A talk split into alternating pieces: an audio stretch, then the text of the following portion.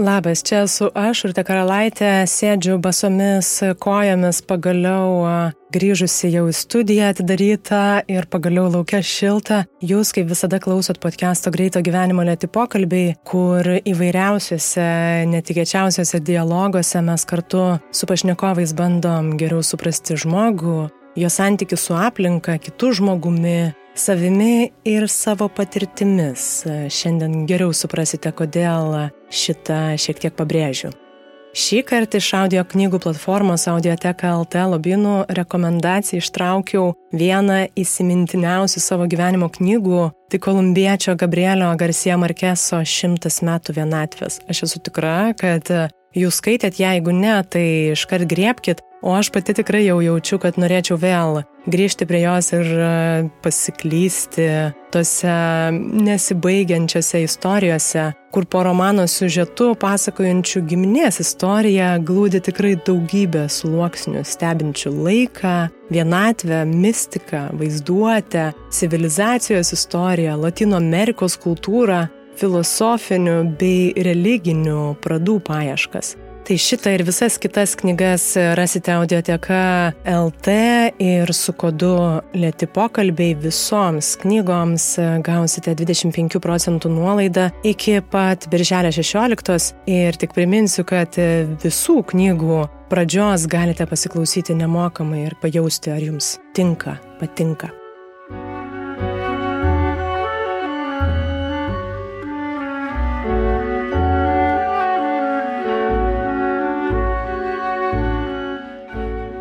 Kaip jau girdit, muzika podcast'e netyla ir vis kinta. Karantino metu ir toliau epizoduose pristatau vis naują man įdomų Lietuvos muzikos kurėją ar kuriejų grupę, kaip šį kartą. Taip tikiuosi supažindinti jūs su dar neatrastais ir nebūtinai pažįstamais, patogiais garsais, Tuo pačiu kartu su rėmėjais mes simboliškai ir prisidedam prie vis dar stipriai apriboto muzikos pasaulio kuriejų veiklos. Tai čia prisidėti galite ir jūs, patreon.com, pasvirasis brūkšnys lėti pokalbiai. Dabar girdit šio laikinės muzikos ansamblio sinestezis atliekamą kūrinį Sunshine Cake.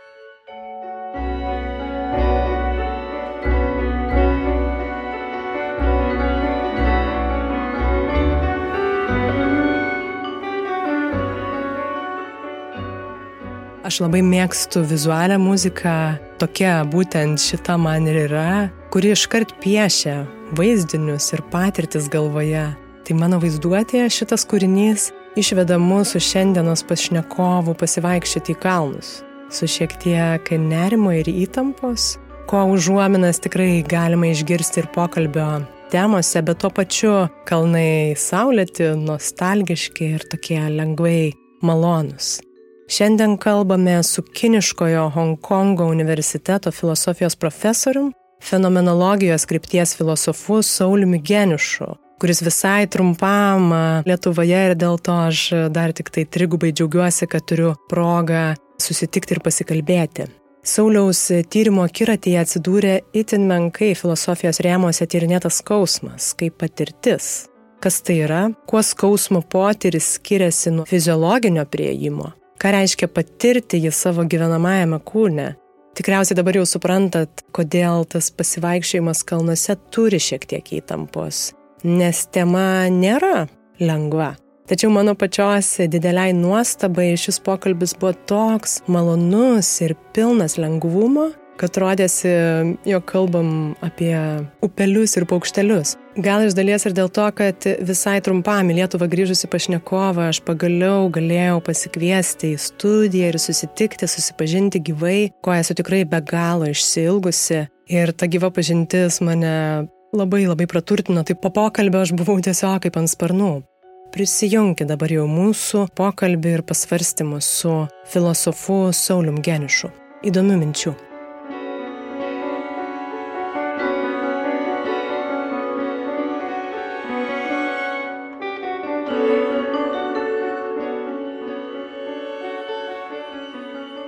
Besidomėdama jūsų būtent šitą skausmo tema, būtent iš fenomenologinės ar ne perspektyvos, man labai įdomu pasirodė įvardinimas, kad fenomenologija yra ar ne patirties filosofija. Taip. Tai čia gal kaip ir minėjau, kadangi mūsų auditorija gali turėti daugiau ar mažiau žinių apie šituos dalykus, tai mes galim truputį jam padėti ir gal kažkiek trumpai e, pristatyti fenomenologiją kaip e, mhm. jūsų Taip. įrankį, ar ne, tyrinėjimo. Tai vat, būtent nuo tos patirties filosofijos atsispirti. Taip. Kas tai?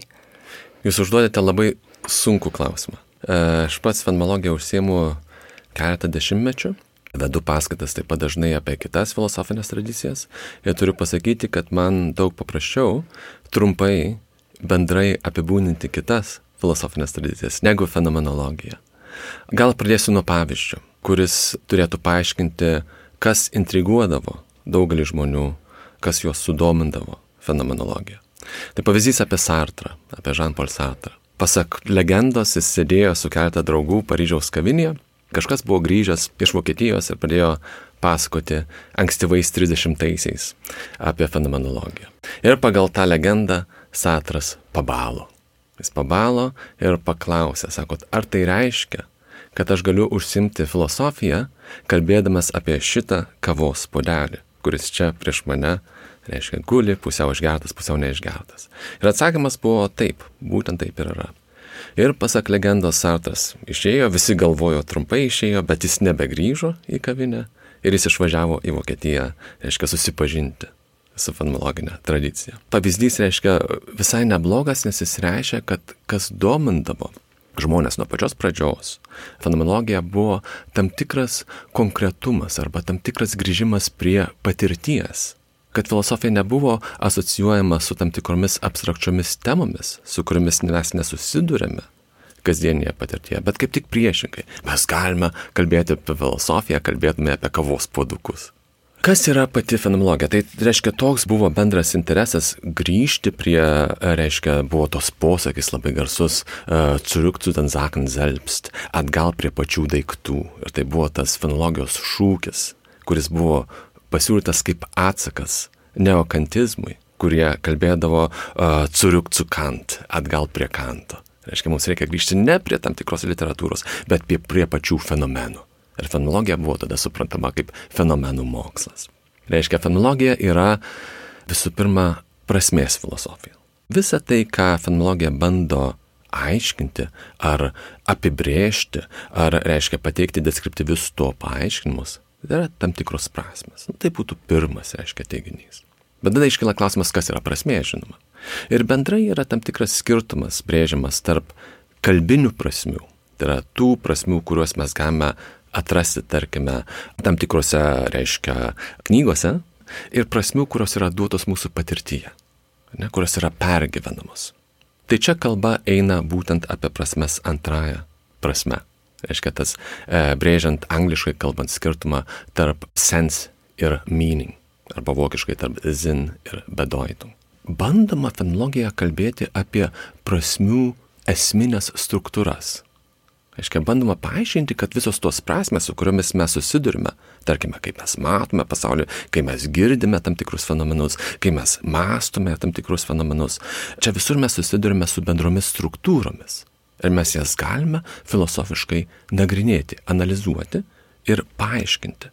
Paaiškinti reiškia pačias e, bendriausias esmes tų visų patirčių, su kuriamis mes susidurime. Na ir dar pridėsiu dar vieną tezę, kokiu tikslu tai daroma. Bandoma paaiškinti, kad va, tas pasaulis, kuriame mes gyvename, jis yra tam tikrų prasmių visuma. Ir mes galime paaiškinti viso to pasaulio, reiškia, esminės struktūras analizuodami pačią patirtį. Tai labai bendrai tai yra fenomenologija. Man labai įdomi mintis jūsų buvo prasme, kalbinė prasme, na, jūs duodat pavyzdį kaip iš knygų, svetima tarsi, na, mhm. nepatirta ir tuomet prasme iš, iš patirčių.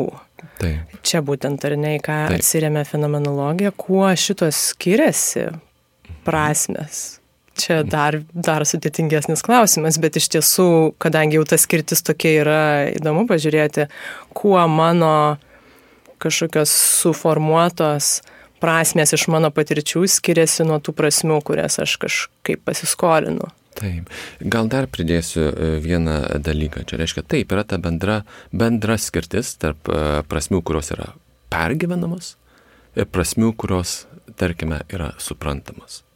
Tai kadangi mes vėliau kalbėsime apie skausmą, tai galima taip sakyti. Jeigu aš iškeliu klausimą, kas yra skausmas, aš galiu pažiūrėti tam tikrą knygą ir ieškoti apibrėžimo. Ir rasdamas skausmo apibrėžimą, aš tada turiu jo prasme, antrąją prasme, kalbinę prasme. Bet aš galiu metodologiškai visiškai kitaip kelti klausimą, kas yra skausmas. Aš galiu neatsiversti jokios knygos, aš galiu sakyti gerai, kaip yra skausmas pergyvenamas.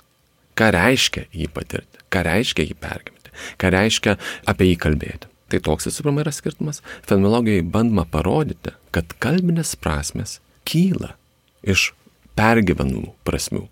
Kalbinės prasmes, ta prasme, yra šiek tiek aukštesnėme lygyje, sakykime, nes jos yra formuluojamos jau tam tikrų pagrindų, patirties pagrindų.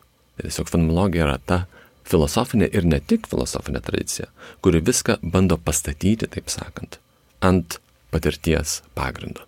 Ir gal čia galima dar išplės, kad patirčių pagrindo. Taip, patirčių plačiaja prasme, bendraja prasme, taip. Ir tada iš karto truputį jau priartėjant prie, prie skausmo temos, ar mes kaip paskiri, vat, individai, jeigu aš klauščiau savęs, e, nežiūrėdama į knygą, kas yra skausmas, tai aš turbūt ieškočiau, bet vėlgi tų patirčių kažkokių savo. Ar galima rasti kažkokią bendrą patirtį skausmo? Ar mūsų ir skirtingų visuomenės ir narių ir, ir grupių tos patirtis priartės vienodas, ar galimas tas vienas patirtinis apibrėžimas? Labai sudėtingas klausimas.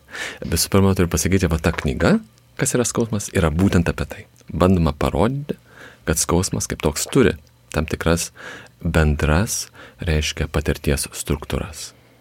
Tarkime, aš tiesiog pateiksiu keletą pavyzdžių. Bandau parodyti, kad skausmas turi būti kūniškas. Mes negalime patirti skausmo ne kūne. Skausmas kaip toks reiškia yra kūniškas fenomenas. Bandau parodyti, kad skausmas kaip toks yra negatyvi patirtis. Skausmas turi turėti negatyvumo savybę.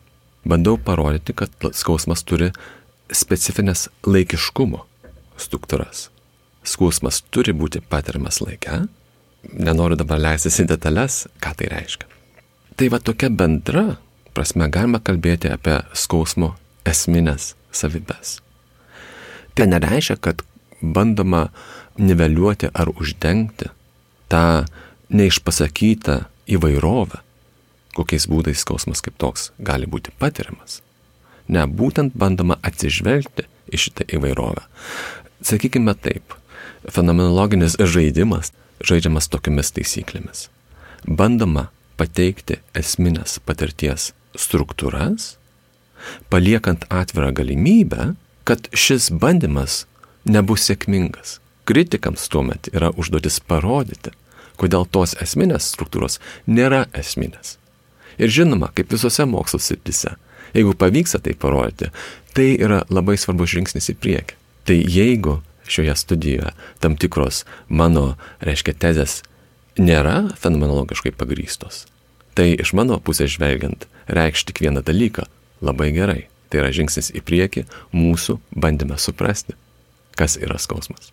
Tai čia iš karto tik tai e, parbėgsiu atgal, jūs paminėjot jau knygą, tai labai smagu, kad mes nuo to ir galime atsispirti.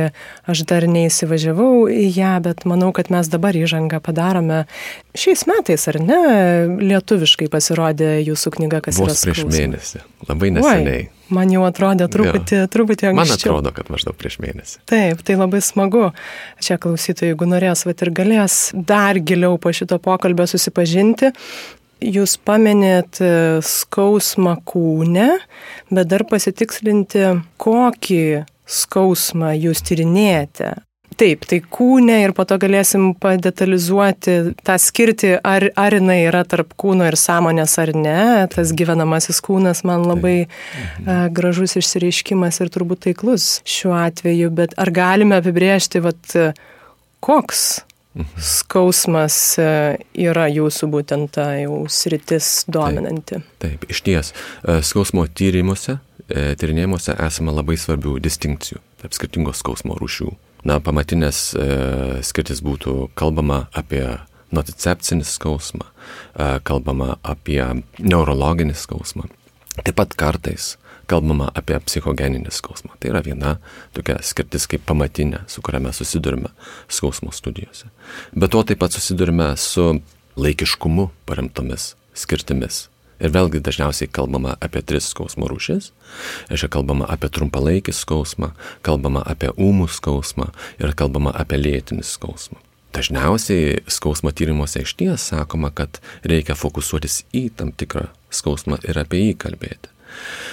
Kaip minėjau anksčiau, vienas pagrindinių bandymų šioje knygoje yra bandymas kalbėti apie skausmą kaip tokį, bandant parodyti, kad visos šitos perskiros turi būti suprasos tam tikros patirties kontekste, tai yra skausmo patirties kontekste. Aš nenoriu niveliuoti skirtumų tarp šitų skirtingų patirčių, bet yra priežastis, kodėl, tarkime, kalbėdami apie ūmų ar lėtinį skausmą, mes naudojame vieną ir tą patį žodį - skausmas. Neužtušuodami šių skirtumų, bet kvalifikuodami, apie kokį skausmą mes kalbame. Bet šitos skirtis, apie kurias aš kalbu, e, jos yra dažniausiai brėžiamos fiziologiniu skausmo tyrimų kontekste. Dažniausiai skausmas yra suprantamas kaip tam tikras fiziologinis mechanizmas. Vienas pagrindinių mano knygos tikslų yra parodyti, kad skausmas nėra kaip toks fiziologinis mechanizmas kad skausmas negali tuo būti. Skausmas, aš teigiu, visų pirma yra patirtis. Skausmas yra tam tikras pergyvenamas. Aš nenoriu, žinoma, tuo pasakyti, kad e, aš neturiu tam tikrų antimokslinių, reiškia, įsitikinimų, kad dabar visi moksliniai skausmo tyrimai kažkaip e, pamiršo, apie ką jie kalba. Ne, aš tiesiog noriu pridėti tam tikrą filosofinę tezę, pridėti tam tikrą, reiškia, filosofinį paaiškinimą, kaip mes šiuos mokslo tyrimus turime suprasti. Neurologiniai tyrinėjimai nėra skausmo kaip tokio tyrinėjimai. Tai greičiau yra tam tikriniai tyrinėjimai, kurie atskleidžia tuos mechanizmus, kurie sukelia skausmą. Ar tuos mechanizmus, kurių dėka skausmas gali būti numalšintas. Bet kaip toks, tie tyrinėjimai, jie nekalba apie skausmą kaip patirtį kaip tokią. Greičiau suponuojama, kad mes visi žinome, kas yra skausmas. Ir tada fokusuojamasi į tam tikras priežastis, kurie, kurios jį sukelia, o kurios jį gali numalšinti. Bendrai bandoma kalbėti apie skausmą bendrają prasme, bet taip pat turiu pripažinti, kad yra tam tikras skausmo tipas, į kurį aš fokusuojuosi. Ir tai yra lėtinis skausmas. Mane mažiau domina trumpalaikiai skausmai, mane mažiau domina ūmus skausmai, mane labiau domina tie skausmai, kurie tikrąją tą žodžio prasme mus dehumanizuoja, kurie keičia mūsų a, pasaulio supratimą, kurie keičia mūsų ryšį su mumis pačiais, kurie transformuoja mūsų santykių su mūsų pačių kūnais ir kurie transformuoja mūsų santykių su kitais. Tai būtų pagrindiniai dehumanizacijos ženklai, kai kalba eina apie ūmų skausmą. Tai reiškia, fokusuojasi į šį skausmą, bet bandau pasakyti kažką, kas taip pat galiotų kalbant apie kitas uh, skausmo rūšis. Čia įdomu tikrai, kad būtent e, lėtinį skausmą jūs tuomet susijęt jau su dehumanizavimu. Kodėl tas išsitesimas laike turi tokį poveikį tuomet jau asmeniui. Ar tuomet tie ūmus ir kiti skausmai neturi tos rizikos, o būtent šitas išsitesimas? Taip, taip. taip aš kalbu apie lėtinį intensyvų skausmą. Kodėl? Na, jeigu eina kalba apie, reiškia, trumpalaikį skausmą. Tarkim, aš uždarau duris ir uždarau duris ant savo pirštų ir sakau, au, ir, ir reiškia, už penkių sekundžių galvoju apie kažką kito, tai nepakeičia mano, reiškia, santykio nei su manimi pačiu, nei su kitais, nei su pasauliu, nei su mano kūnu. Ūmus skausmai, žinoma, yra įvairaus pobūdžio. Nu, jie gali turėti tam tikrą, ir jie dažnai turi tam tikrą e, dehumanizacinį poveikį, taip sakant. Bet visų pirma, nebūtinai. Ir visų antra, jie irgi yra ganėtinai trumpalaikiai. Bet kai kalba eina apie lėtinį skausmą, situacija pasikeičia. Lėtinis skausmas dažniausiai apibrėžiamas kaip skausmas, kuris yra patiriamas ar tris mėnesius, bent tris mėnesius, ar bent šešis mėnesius, ar bent metus, priklauso nuo to, į kurį apibrėžimą mes atsižvelgiame. Lėtinis skausmas yra kitoks, nes, na, pasakysiu tokias dvi tiesas. Tai visų pirma, lėtinis skausmas iš principo yra dehumanizuojantis dėl keturių priežasčių. Ir aš tas keturias pagrindinės priežastis jau minėjau. Jis yra dehumanizuojantis visų pirma, todėl kad jis pakeičia žmogaus ryšį, santyki su savo kūnu.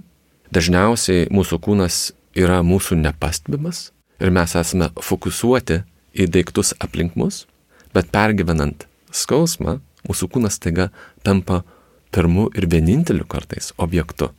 Tai jeigu dažniausiai kūnas yra mūsų, taip, vartokime tokias metaforas, langas į pasaulį, tai staiga jis tampa uždarais vartais. Tas objektas, kuris blokuoja bet kokį ryšį su bet kuo kitu.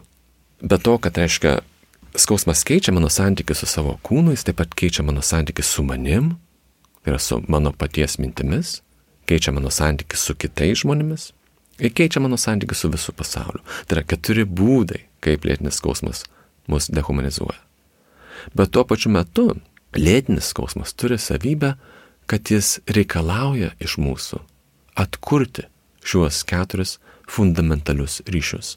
Perkurti. Būtent dėl laiko ištesimo. Jis reikalauja, kad mes iš naujo perkurtume savo santykių su savo kūnu, savo santykių su kitais, savo santykiais su mumis pačiais ir mūsų savo santykių su pasauliu. Kitai žodžiais tariant, lėtinis skausmas nėra tik dehumanizuojantis. Jis taip pat reikalauja iš mūsų rehumanizuoti mūsų santykių su šiais keturiais fundamentaliais aspektais. Man iškart, kai jūs pradėjote apie tai kalbėti, ir kilo mintis, kad e, būtent tas skausmo signalas, koks jis bebūtų, šiuo atveju labiau abstrakčiai turiu omeny, kaip jūs ir sakot, ir nukreipia staiga mūsų visą dėmesingumą į mus pačius, atribodamas, iš vienos pusės atribodamas nuo pasaulio, iš kitos pusės pagaliau atsukdamas gal mūsų dėmesį į mus, kad čia aš, kas aš, kaip aš veikiu. Na ir jūs minite rehumanizaciją. Gal tą galima pamatyti irgi kaip tam tikrą susipažinimą ir iš naujo, bet ir su savim, kas čia yra, priešingai nei nejaučiant skausmą žiūrint tik tai iš, out turiu menį. Bet čia aš taip interpretuoju, aš nežinau. Taip, labai įdomu, ką jūs sakote, bet pažiūrėkime, čia mes susidarime su kitom problemom. Taip, skausmas atsuka mus prie mūsų pačių, ne? nes nebelieka nieko kito. Tai liekame tik mes patys. Bet kas tas aš pats, kas lieku, reiškia, radikalaus skausmo, lėtinio skausmo pergyvenimo atveju. Visų pirma, aš neturiu jokios kalbos aprašyti tai, ką aš dabar pergyvenu. Kokie yra terminai, kurie naudojami skausmui? Kalbame apie aštrius ar bukus skausmus, ar ne? Tai nėra patirčiai skirti terminai, tai yra objektams skirti terminai. Apie peilius mes kalbame kaip bukus ar aštrius, ne apie patyrimus. Mes vartojame netinkamas metaforas aprašyti tai, ką mes pergyvename. Mes neturime tam kalbos ir žinoma, mes perėmė tai, ko mes nenorime pergyventi. Ne? Mes kreipiamės, reiškia, į skausmo klinikas ar kur nors kitur. Yra priežastis, mes kalbame dabar apie skausmą, beje, reiškia, dar vis pandemijos metu, bet jau kuris laikas dešimtmečiai kalbame apie, reiškia, lėtinio skausmo pandemiją. Nes tiek žmonių pasaulyje pergyvena lėtinį skausmą, kad reiškia daug daugiau negu tų, kurie pergyvena šią pandemiją, apie kurią mes kalbame. Bet čia tokia išnaša. Tiesiog. Mes kreipiamės tada į klinikas, bet kokį atsaką mes randame. Aš, aš lieku vėl, aš grįžtu prie tos temos, aš lieku su savim pačiu, bet aš nežinau, kas aš pats, aš neturiu kalbos, kurios dėka aš galėčiau dabar tą patirtį aprašyti, aš noriu ištrūkti iš savęs paties aš pats, čia iš ties galima apversti Sartro posakį, kuris sako, kiti yra pragaras. Ne, ne, ne, aš pats esu pragaras ir aš iš to dabar noriu ištrūkti. Aš kreipiuosi į skausmo kliniką ir staiga aš išgirdu terminus, kurie yra dehumanizuojantis visiškai kita prasme negu ta, apie kurią mes kalbėjome. Staiga tas patyrimas, kuris man yra toks nepakeliamas, yra išverčiamas į fiziologinę ir neurologinę kalbą. Ir bandoma apie tai, apie tą aš pats kalbėti visiškai kitais terminais. tas aš pats tampa kažkas, kas aš pats tikrai nesu. Čia žinoma, galima daug daugiau apie tai pasakyti, bet e, čia sudarime su labai gilia problema, kurią galima trumpai įvardinti ne tik kaip skausmo dehumanizacija, bet kaip skausmo numalšinimo dehumanizacija. Čia jūs paminėt būtent, na, skausmo klinikas, bet iš principo tai šio laikinė medicina, kuri vat, ateina su tais terminais, kurie dehumanizuoja ir, ir čia įdomu tada pažiūrėti taip į tą, kad mes negebam įžodinti tos patirties, mes neturime turbūt ir žodžių, ir nebūtinai medicininių, bet tiesiog nebent, nežinau, labai poetiškai, metaforiškai esu kažką skaičiusi ką tai keičia, kad mes negalime įvardinti dabar šitos patirties. Kad aš jaučiu, aš turiu tai savo kūne, aš esu su tuo skausmu, bet aš negaliu nei savo, nei, nei kitam to vat, įžodinti, kas, kas yra ta patirtis. Nes jūs paminite tuos terminus, tai įdomu, kam to reikia tuomet, kodėl reikia padėti taip aiškiau savo ant stalo, kas yra šita patirtis, savo atsakyti, kas yra skausmo patirtis. Viena priežasčių, kodėl e, mes esame motivuoti ją įvardyti ar įžodinti, yra ta, kad mes norime iš jos ištrūkti. Ir norėdami iš kažko ištrūkti, mes turime suprasti, kas tai yra, kas mus dabar slegia, nuo ko mes norime dabar išsilaisvinti. Labai įdomus klausimas. Dėl tokios priežasties, tas įžodinimas, galima taip sakyti, yra iš principo dviejų tipų. Tai visų pirma, tas įžodinimas gali būti fiziologinis ar neurologinis, nes skausmas gali būti suprastas neurologiškai ar fiziologiškai. Ir tai yra dabar dominuojantis, reiškia, skausmo, skausmo supratimas. E, kita vertus, skausmas taip pat gali būti įžodintas mūsų pačių patirties pagrindu, kai kalba eina ne apie skausmą kaip apie mechanizmą, bet kaip apie tam tikrą patyrimą. Gal aš pateiksiu keletą pavyzdžių, kad būtų aiškiau klausytojams, apie ką čia eina kalba berašydamas šią knygą visą laiką, ar dažnai, galvodavau apie tam tikrą daktarą, gydytoją Amerikoje, Richard Barron yra jo vardas. Ir jisai dar prieš kokie 30 metų sudomėjo pats fenomenologiją dėl tam tikros priežasties. Jis pats priejo išvados, kad, kad medicininis, reiškia, skausmo numalšinimo būdas yra dehumanizuojantis. Ir jis aprašo tam tikrą, reiškia, aha momentą. Ir tas aha momentas buvo toks, kad jis askultuoja paciento krūtinę ir pacientas jam pradeda dalinti su juo savo, reiškia, pergyvenimais, norėdamas paaiškinti, nuo ko jis dabar kenčia. Na ir kaip labai dažnai atsitinka iš principo, e, jam tuo metu, reiškia, gydytojas sako, aha, prašau tylos, nes aš tavęs klausydamas tavęs negirdžiu. Aš tavęs klausydamas savęs negirdžiu.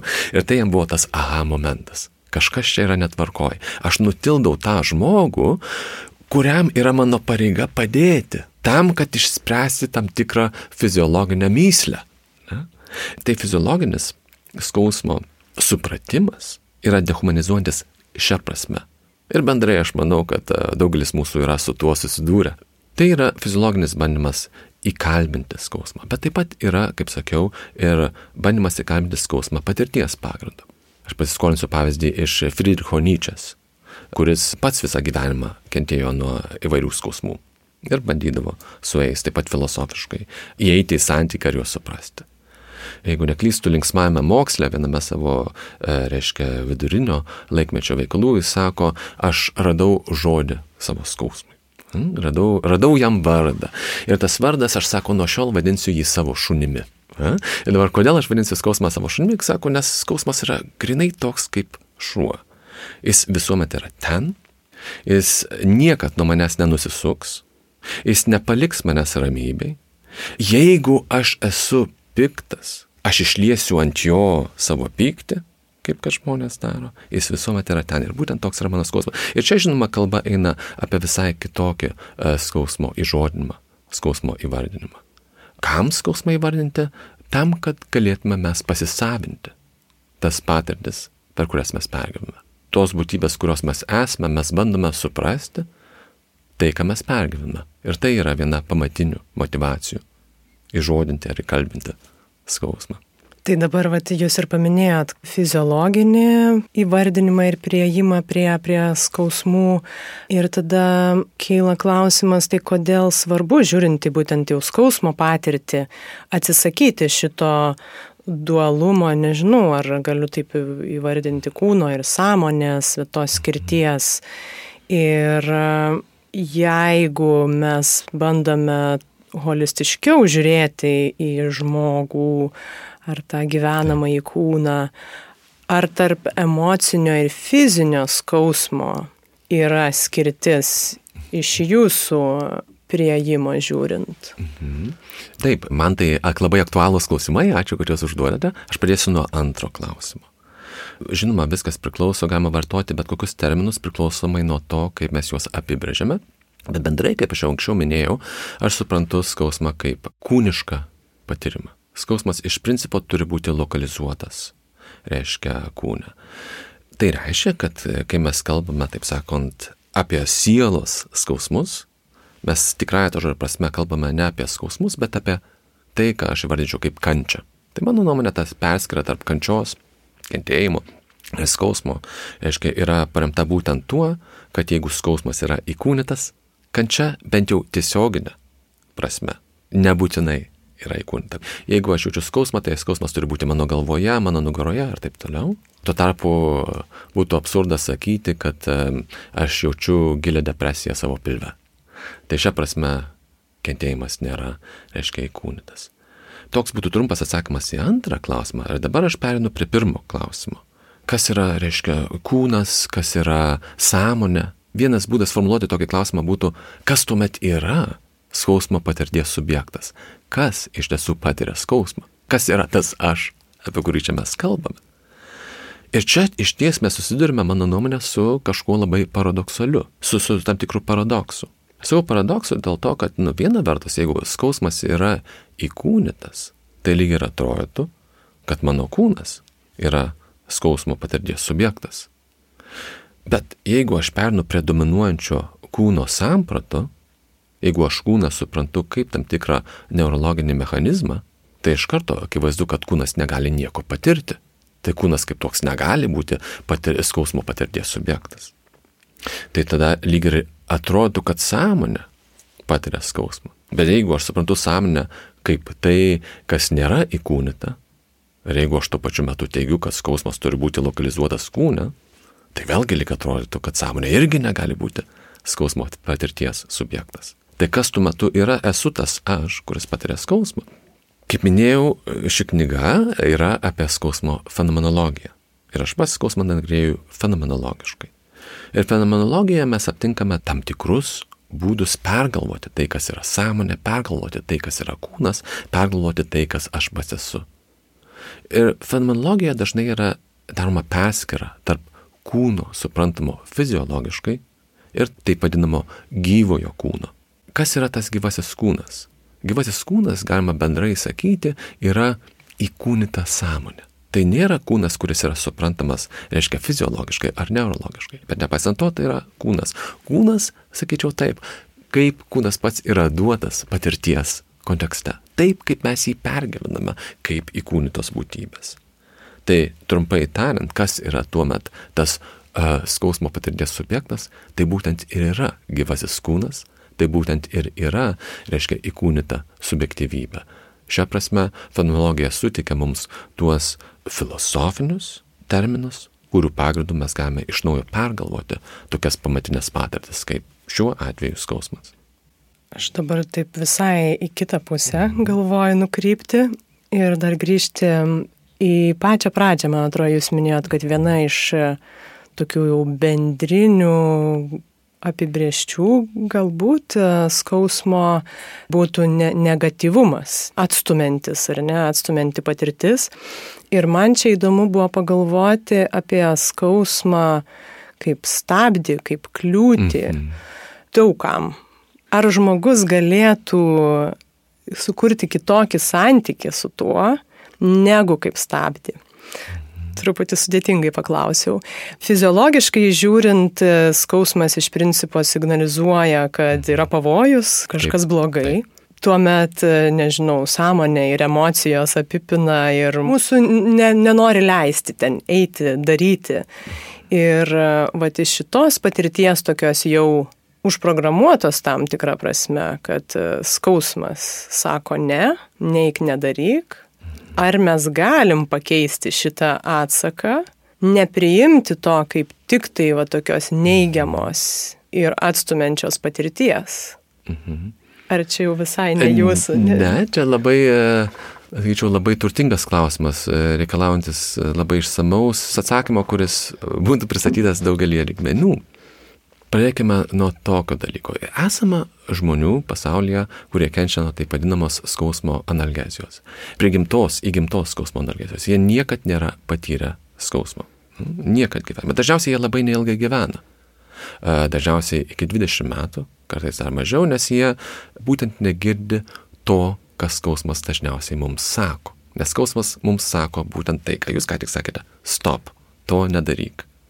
Tai šitie žmonės, kai dar būna vaikai, užlipa ant radiatorių, nusidegina savo kojas, e, jie reiškia nusikanda lūpas ar liežuvį ir jie nieko nejaučia. Ir dėl to jie ilgai neišgyvena. Dabar esant tokiai situacijai, buvo bandymų pakeisti patį skausmą. Ir čia yra vienas, aš manau, klausimas, kurį aš girdžiu jūsų klausime. Tai yra, ar negalėtų būti taip, kad skausmas vis dar mums sako tai, ką jis mums sako, tai yra stop, bet neturėdamas skausmingumo reiškia e, kaip tokio. Mes nejaučiame jo negativumo, bet jis toliau mus informuoja, kaip kad jis informavo.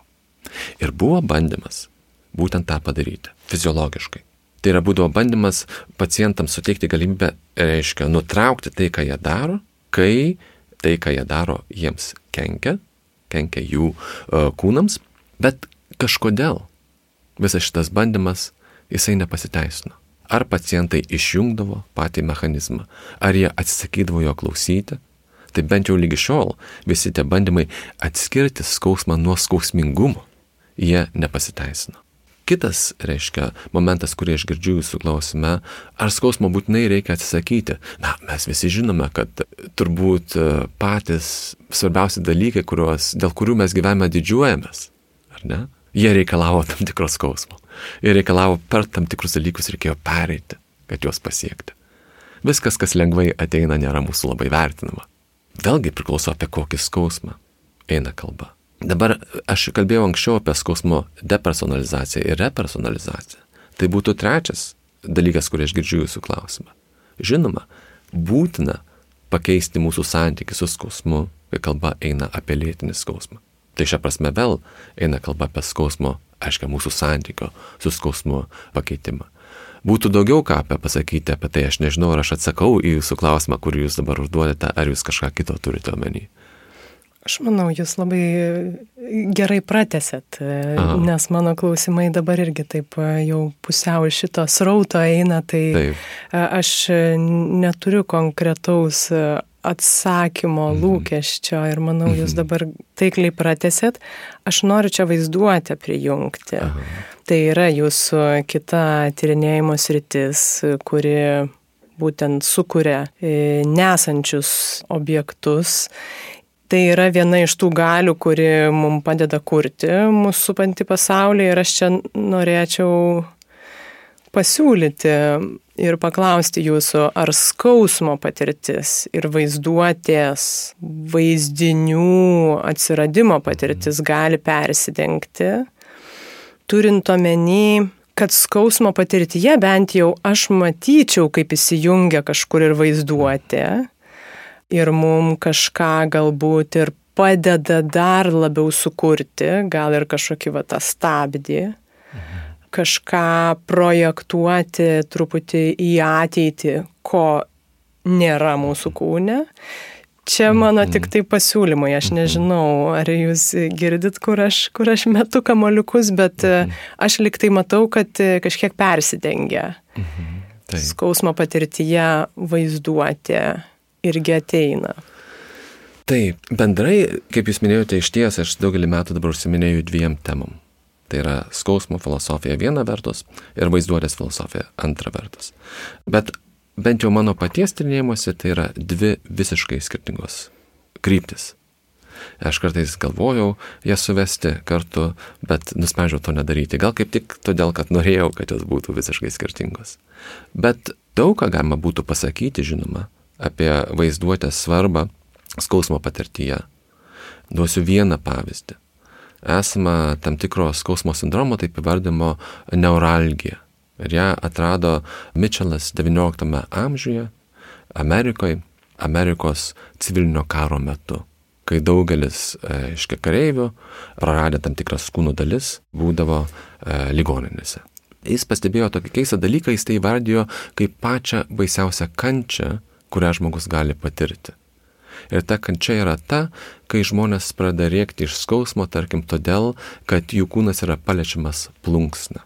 Ar todėl, kad, reiškia, kaldra paliečia jų koją reiškia, ar naudojant jau ne Mitchelo terminus ar pavyzdžius, bet e, labiau šio laikiškus pavyzdžius, ar todėl, kad kaimynas jungia televiziją, ar todėl, kad girdi, kaip vaikai reikia, ar reiškia laukia. Ir kaip tai yra suprasti, tai yra, reiškia, įvardama kaip neuralgija, tam tikras skausmo e, sindromas.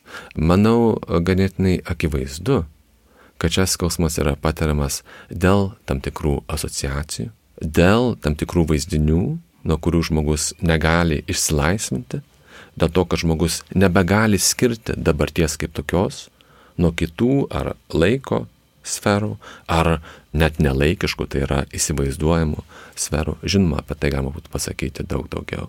Tai vaizduotė iš ties turi tam tikrą svarbų vaidmenį, kalbant apie skausmą. Kita vertus, dar pateiksiu vieną kitą pavyzdį.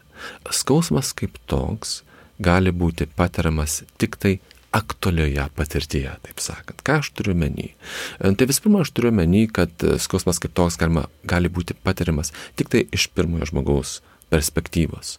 Tai fenomenologijai šia prasme irgi yra perskira tarp skausmo ir kančios. Naudojant Šėlerio garsų pavyzdį, du tėvai, kurie stovi šalia mirusio vaiko kūno, gali patirti, teigia Šėleris, vieną ir tą pačią kančią. Jie abu gali pergyventi tą patį pergyvenimą. Bet jeigu du žmonės kenčia nuo vėžio ir yra viename tame pačiame kambaryje, jie negali patirti vieno ar to paties skausmo. Ir viena to priežasčių yra ta, kad šiuo atveju vėžio skausmai yra įkūnyti. Ir du pacientai neturi vieno ar to paties kūno. Tai šią prasme galima sakyti, kad patirti kito žmogaus skausmą yra pats egoistiškiausias aktas, kuris yra įmanomas, nes tai reikalautų pasisavinti kito žmogaus kūną. Kita vertus teikti, kad skausmas yra, gali būti tik tai aktuali patirtis. Tai taip pat reiškia, kad aš galiu patirti skausmą tik čia ir dabar. Aš negaliu patirti vakarykščio skausmo, aš negaliu tikrai to žodžio prasme pergyventi rydienos skausmo. Ar, ir čia aš grįžtu prie jūsų klausimo, aš negaliu tikrai to žodžio prasme pergyventi įsivaizduojamų skausmų. Sartras pateikia labai įdomų pavyzdį būtent savo knygoje Limažinėra apie vaizduotę, ankstyvoje knygoje. Jis sako, jis patikė pavyzdį neurosteniko, kuris, aiškiai, reikia iš įsivaizduojamo vėžio skausmo.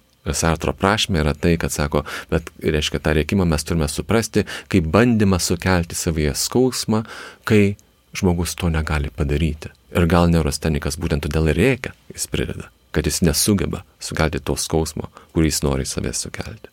Tai šia prasme tarp aktualybės sferos ir vaizduotės sferos yra svarbi perskara. Taip, aš čia labai dabar suprantu, kad uh, net netiek ambicingus, kiek jau naivuoliškus klausimus uh, kartais uh, supinu iš tų tikrai dviejų sudėtingų temų, bet jom puikiai sekasi išeiti. Įdomi ir tokia sunki tema, pabandysiu kažkaip ir ją paliesti mozachizmo, meilės skausmui koks čia santykis susiformuoja su tas skausmo patirtim ir tarsi būtų galima spėti, kad mozachizmas e, kyla iš emocinio skausmo, ar kaip jūs įvardinat, kančios. Ir kaip šie paradoksaliai susipriešina, nors aš suprantu, kad jūs kančios nesugretinat su skausmu. Aha. Ir vėl labai įdomus klausimas. Visų pirma, kodėl man ta perskara tarp kančios ir skausmo yra svarbi? Gal aš e, visų pirma tokia dar viena trumpa išnaša. Prieš jau dešimt metų dariau Varšuvoje pranešimą apie skirtingas kančios sampratas skirtingų filosofijų kontekste. Ir aš pradėjau nuo labai tokios klasikinės perskiros. Aiškia, aš sakiau, kad skausmas yra fiziologinis fenomenas, kai tuo tarpu kančia yra ar tai egzistencinis pergyvenimas, ar tai personalistinis pergyvenimas, priklausomai nuo to, kokius terminus mes naudosime. Būtent po šio prašymo aš supratau, kad aš neturiu supratimo, kas pats skausmas yra. Man tapo labai aišku, kad skausmas negali būti neurologinis fenomenas, kad jis nėra kaip toks fiziologinis. Vėlgi jis gali turėti fiziologinės priežastis. Fiziologiškai mes jį galime sukelti ar jį numalšinti, bet jis pats nėra neurologinis pergirimas, nes pergirimas kaip toks negali būti neurologinis. Tai būtent tai tada vedė mane prie skausmo tyrinėjimų e, ir todėl nuo pat pradžios ta perskira man buvo svarbi. Dabar e, mazochizmas. Iš ties, labai įdomus klausimas, vėlgi labai paradoksalus fenomenas, nes jeigu galvojama, kad skausmas yra negatyvi patirtis, kaip taip gali būti, kad skausmas pats gali sukelti malonumą, vieną didžiausių malonumų, kurie kai kurie žmonės gali patirti. Na, yra įvairių bandymų tą analizuoti. Vienas labai neseniai pasirodęs bandymas, tokio Colin Klein, jis neseniai yra išleidęs knygą skausmo problematikoje. Na, jis sako, mes tai galėtume paaiškinti analitiškai atskirdami tam tikrus pergyvenimo komponentus. Yra tam tikras dalykas, kuris sukelia mums skausmą, yra kitas dalykas, kuris sukelia mums malonumą. Ir end of story. Viskas yra paaiškinta. Na, žinoma, tokia perskara labai toli mūsų nenuveda. Lieka neaišku, kaip tas reiškia negatyvus patyrimas susijęs taip intimiai su malonumo patyrimu, kad pats tas negatyvumo patyrimas sukelia tą malonumą. Vienas būdas tai suprasti yra būtent žengti tą kryptimį, kurią jūs dabar žengėte, tai yra kalbėti apie skausmą ir kančią. Vienas ypatingas skausmo aspektas yra tas, kad skausmas užtušuoja viską. Jis yra, kaip sako Olandų e, labai įdomus e, psichologas, biologas ir filosofas Buitendaik.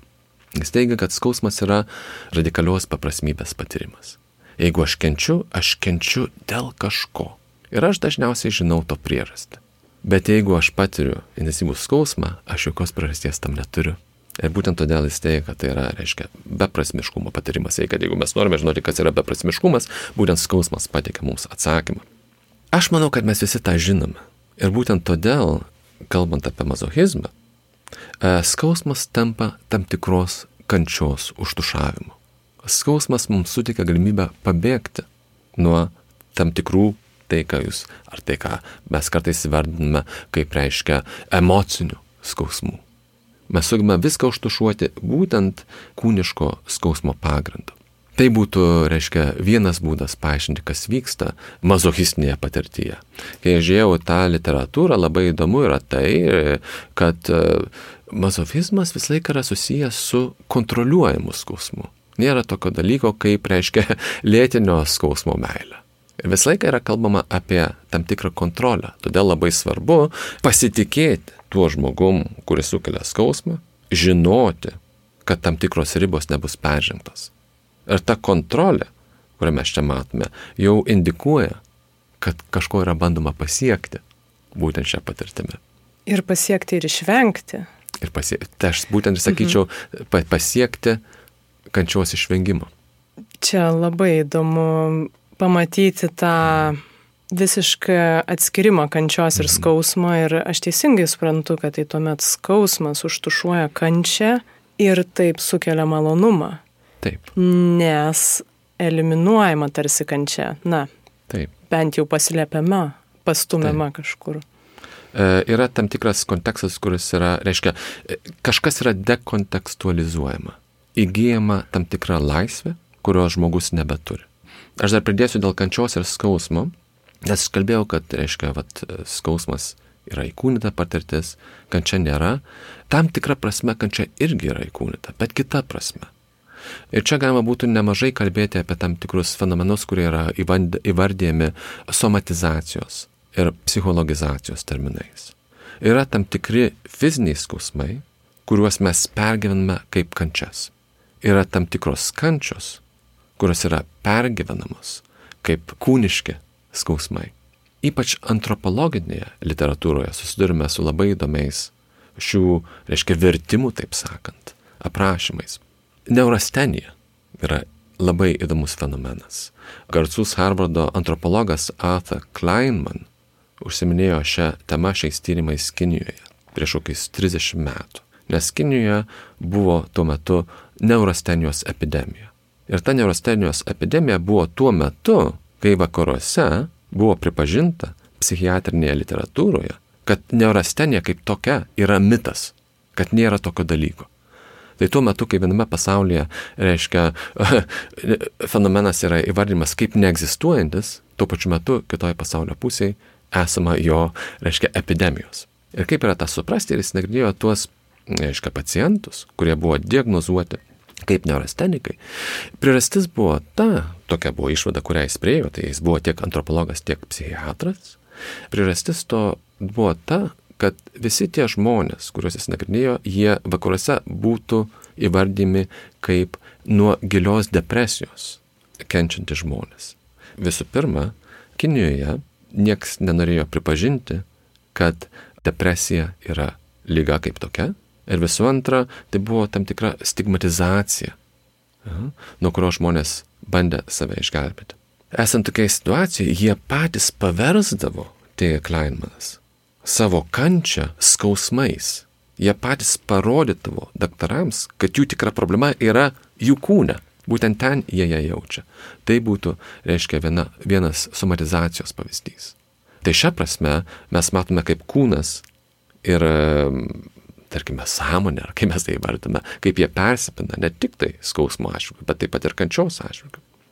Kitas pavyzdys būtų, kalbant apie psichologizaciją, iš Brazilijos. Irgi antropologijoje literatūroje mes susidurime su tokiais labai įdomiais aprašymais, kai prieš keletą dešimtmečių esant badui Brazilijoje, tuo metu, kai nebuvo galima pripažinti, kad badas kaip toks egzistuoja, žmonės kreipdavosi, reiškia, į, į daktarus ir identifikuodavo patys savo simptomus kaip visiškai kitokius simptomus, paversdami savo kančią kažkuo kitu. Žinoma, tai mums pasako, ar tai grįžta prie, e, mes čia galime grįžti prie kalbos, bet visiškai kita prasme mes matome, kaip mūsų pačių patirtis tampa tam tikra kalba, tam tikrų būdų pasakyti kitam tai, ką mes norime pasakyti. Ir tai čia, žinoma, yra labai daug sluoksnių e, šitoj temai. Labai įdomus momentas, kuris man padės iškelti tokį turbūt retorinį ir dar vieną platų klausimą. Jūs paminėt būtent depresiją ir stigmą. Būtent panašių susirgymų, stigmos visuomeniai tikrai ne, ne tik Kinijoje egzistuoja, bet man dabar visiškai spontaniškai kilo klausimas, kodėl fizinis, fiziologinis negalavimas, nežinau, kojos, pilvo skausmas yra tinkamas. Mhm leidžiamas, aš, aš galiu apie tai kalbėti ir, ir e, galiu tai turėti tuo tarpu, kad ir minima e, pavyzdys depresijos jau daug kur tampa stigma ir, ir panašus mhm. Čia nežinau, gal turėsit kokių minčių pratesti, čia Taip. tikrai spontaniškas. Labai geras klausimas. Aš įvardinčiau dvi esminės priežastis. Jos kartais persipilama, bet nebūtinai. Visų pirma, kodėl reiškia kūniškas skausmas yra legitimuotas, o depresija, tarkim, kartais nėra? Todėl, kad dažnai galvojama, kad dėl kūno kančių, dėl kūno skausmų aš pats nesu kaltas. Jie tiesiog užpuola patys, kaip jie užpuola. Kūnas yra tam tikras mechanizmas, dėl tam tikrų lygų ir fiziologinių priežasčių aš patiriu tai, ką patiriu. Kalbant apie depresiją, situacija yra kitokia, ar ne? Tai viena priežasčių yra ta, kad galvojama, kad aš pats sukeliu savo depresiją, bent jau ta prasme, kad aš pats su ja nesusitvarkau. Mhm. Ir būtent dėl to aš dabar kenčiu nuo to, ką aš kenčiu. Tai yra viena priežasčių.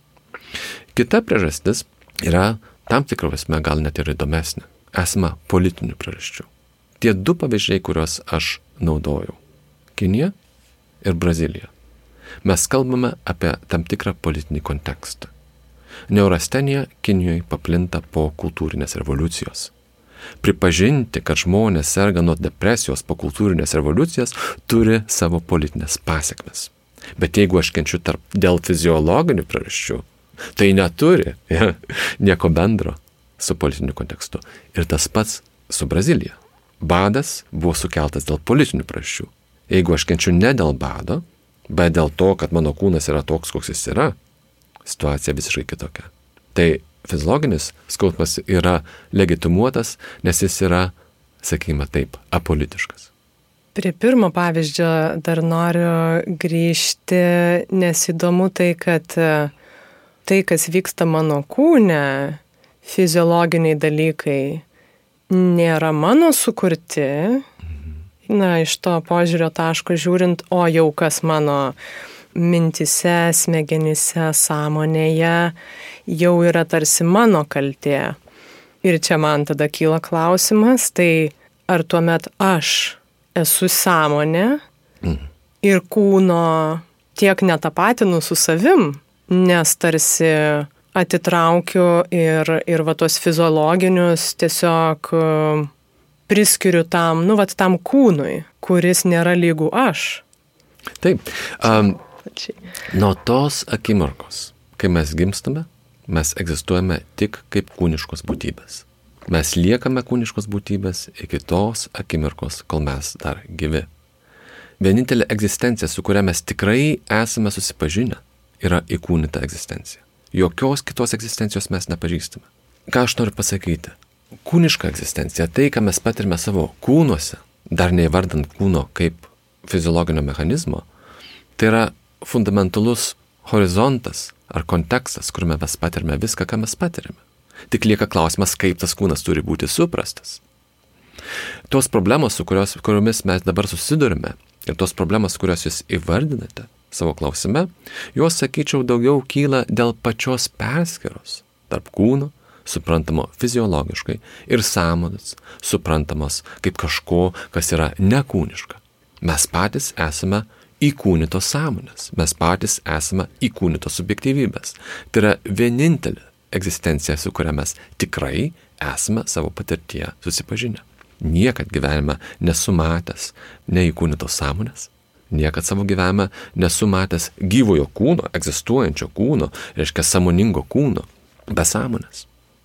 Aš manau, kad Šituo mes galime šį kartą ir pabaigti.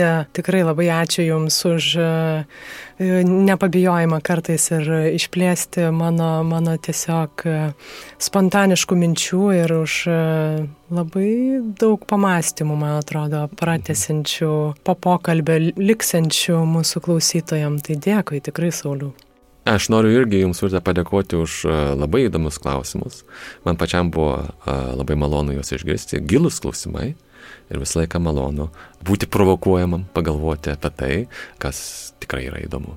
Kartu, man atrodo, visai neblogai mums pavyko šitas komandinis žaidimas. Taip, man irgi taip atrodo. Kartais labai jaučiu, kad e, aš tikrai gal to net neįvardinčiau kaip provokacijų, bet e, kartais jaučiu, kad pašnekovai nelabai nori išeiti iš, iš savo e, linijos ir tai yra tvarkoje.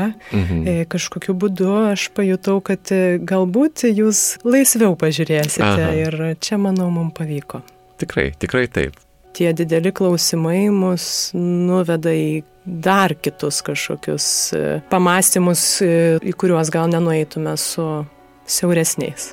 Pilnai sutinku. Žinoma, klausimai yra klausimai, juos reikia pateikti atsakymus, bet tie atsakymai jokių būdų neturi uždaryti klausimų. Ir ypač filosofijos kontekste. Kai vedu paskaitas, aš visą laiką pabaigoje sakau, ypač jaunesniems studentams, kad filosofinės paskaitos turi atverti knygas, ne jas užverti. Tai tai, kad mes periname per kursą, nereiškia, kad mes galime uždaryti knygą ir sakyti, viskas end of story, baigėsi. Ne, kaip tik priešingai. Tai taip pat, manau, ir su diskusijom. Diskusijos turi iškelti klausimus, kurie liktų, kurie būtų prasmingi ir apie kuriuos mes galėtume toliau galvoti.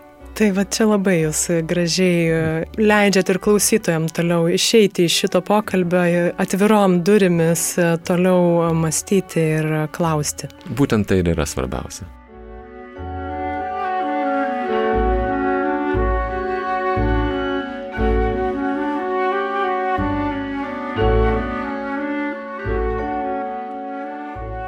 Ačiū, kad prisijungėt prie mūsų pasvarstymų. Didelė tikimybė, kad po šito pokalbio visai kitaip pažiūrėsite ir būsite skausmo patirtise. Gal konstruktyviau, gal atidžiau, gal pavyks nuo jų atsitraukti ir nesitapatinti. Kadangi pašnekovo knyga ir pokalbėje minėta, kas yra skausmas, visai neseniai pasirodė lietuvių kalba, jei norėsite dar keliais sluoksniais giliau įnerti į šitą temą, podcast'o bičiuliai FIK knygos dovanoja 25 procentų nuolaidą šiai knygai iki Liepos 15 dienos su kodu skausmas. O knygą rasite kas yra skausmas.lt.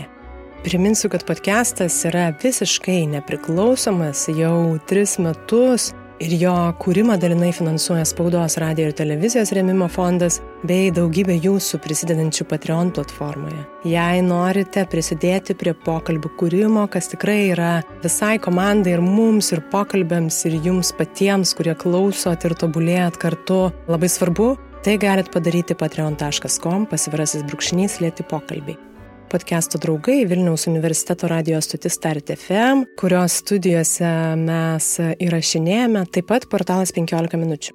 O visą įvairiausių temų ir nuotaikų pokalbių kolekciją, kurioje jau virš 70 epizodų rasit Spotify, iTunes 15 min klausyk ir kitose programėlėse bei karalaitė.com pasvirasis brūkšnys podcastas epizodai išeina kas antrą trečiadienį. Jų tikrai nepraleisite, jei seksit podcastą Instagram, Facebook paskiruose arba audio platformose. Taip pat socialinėse medijose vis aktyviau mes pildom įvairias rubrikas, kur susipažįstam su muzikos kuriejų ir podcast'o komandos ir klausytojų mintimis ir kylančiais klausimais.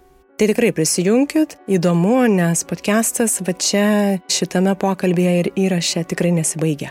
Kaip ir kas kart, podcast'e Greito gyvenimo lėti pokalbiai su jumis buvau aš, Urte Karalaitė. Šį kartą kalbėjome su filosofu Sauliumi Geniušu. Ir kadangi minčių pratesimas po šio pokalbio, man atrodo, tiesiog garantuotas, tai leiskit dar savo paklajoti po mūsų pokalbio kalnus su ansamblio sinestezis atliekamų kūriniu Sunshine Cake. Iki kitų vis vasarėjančių kartų.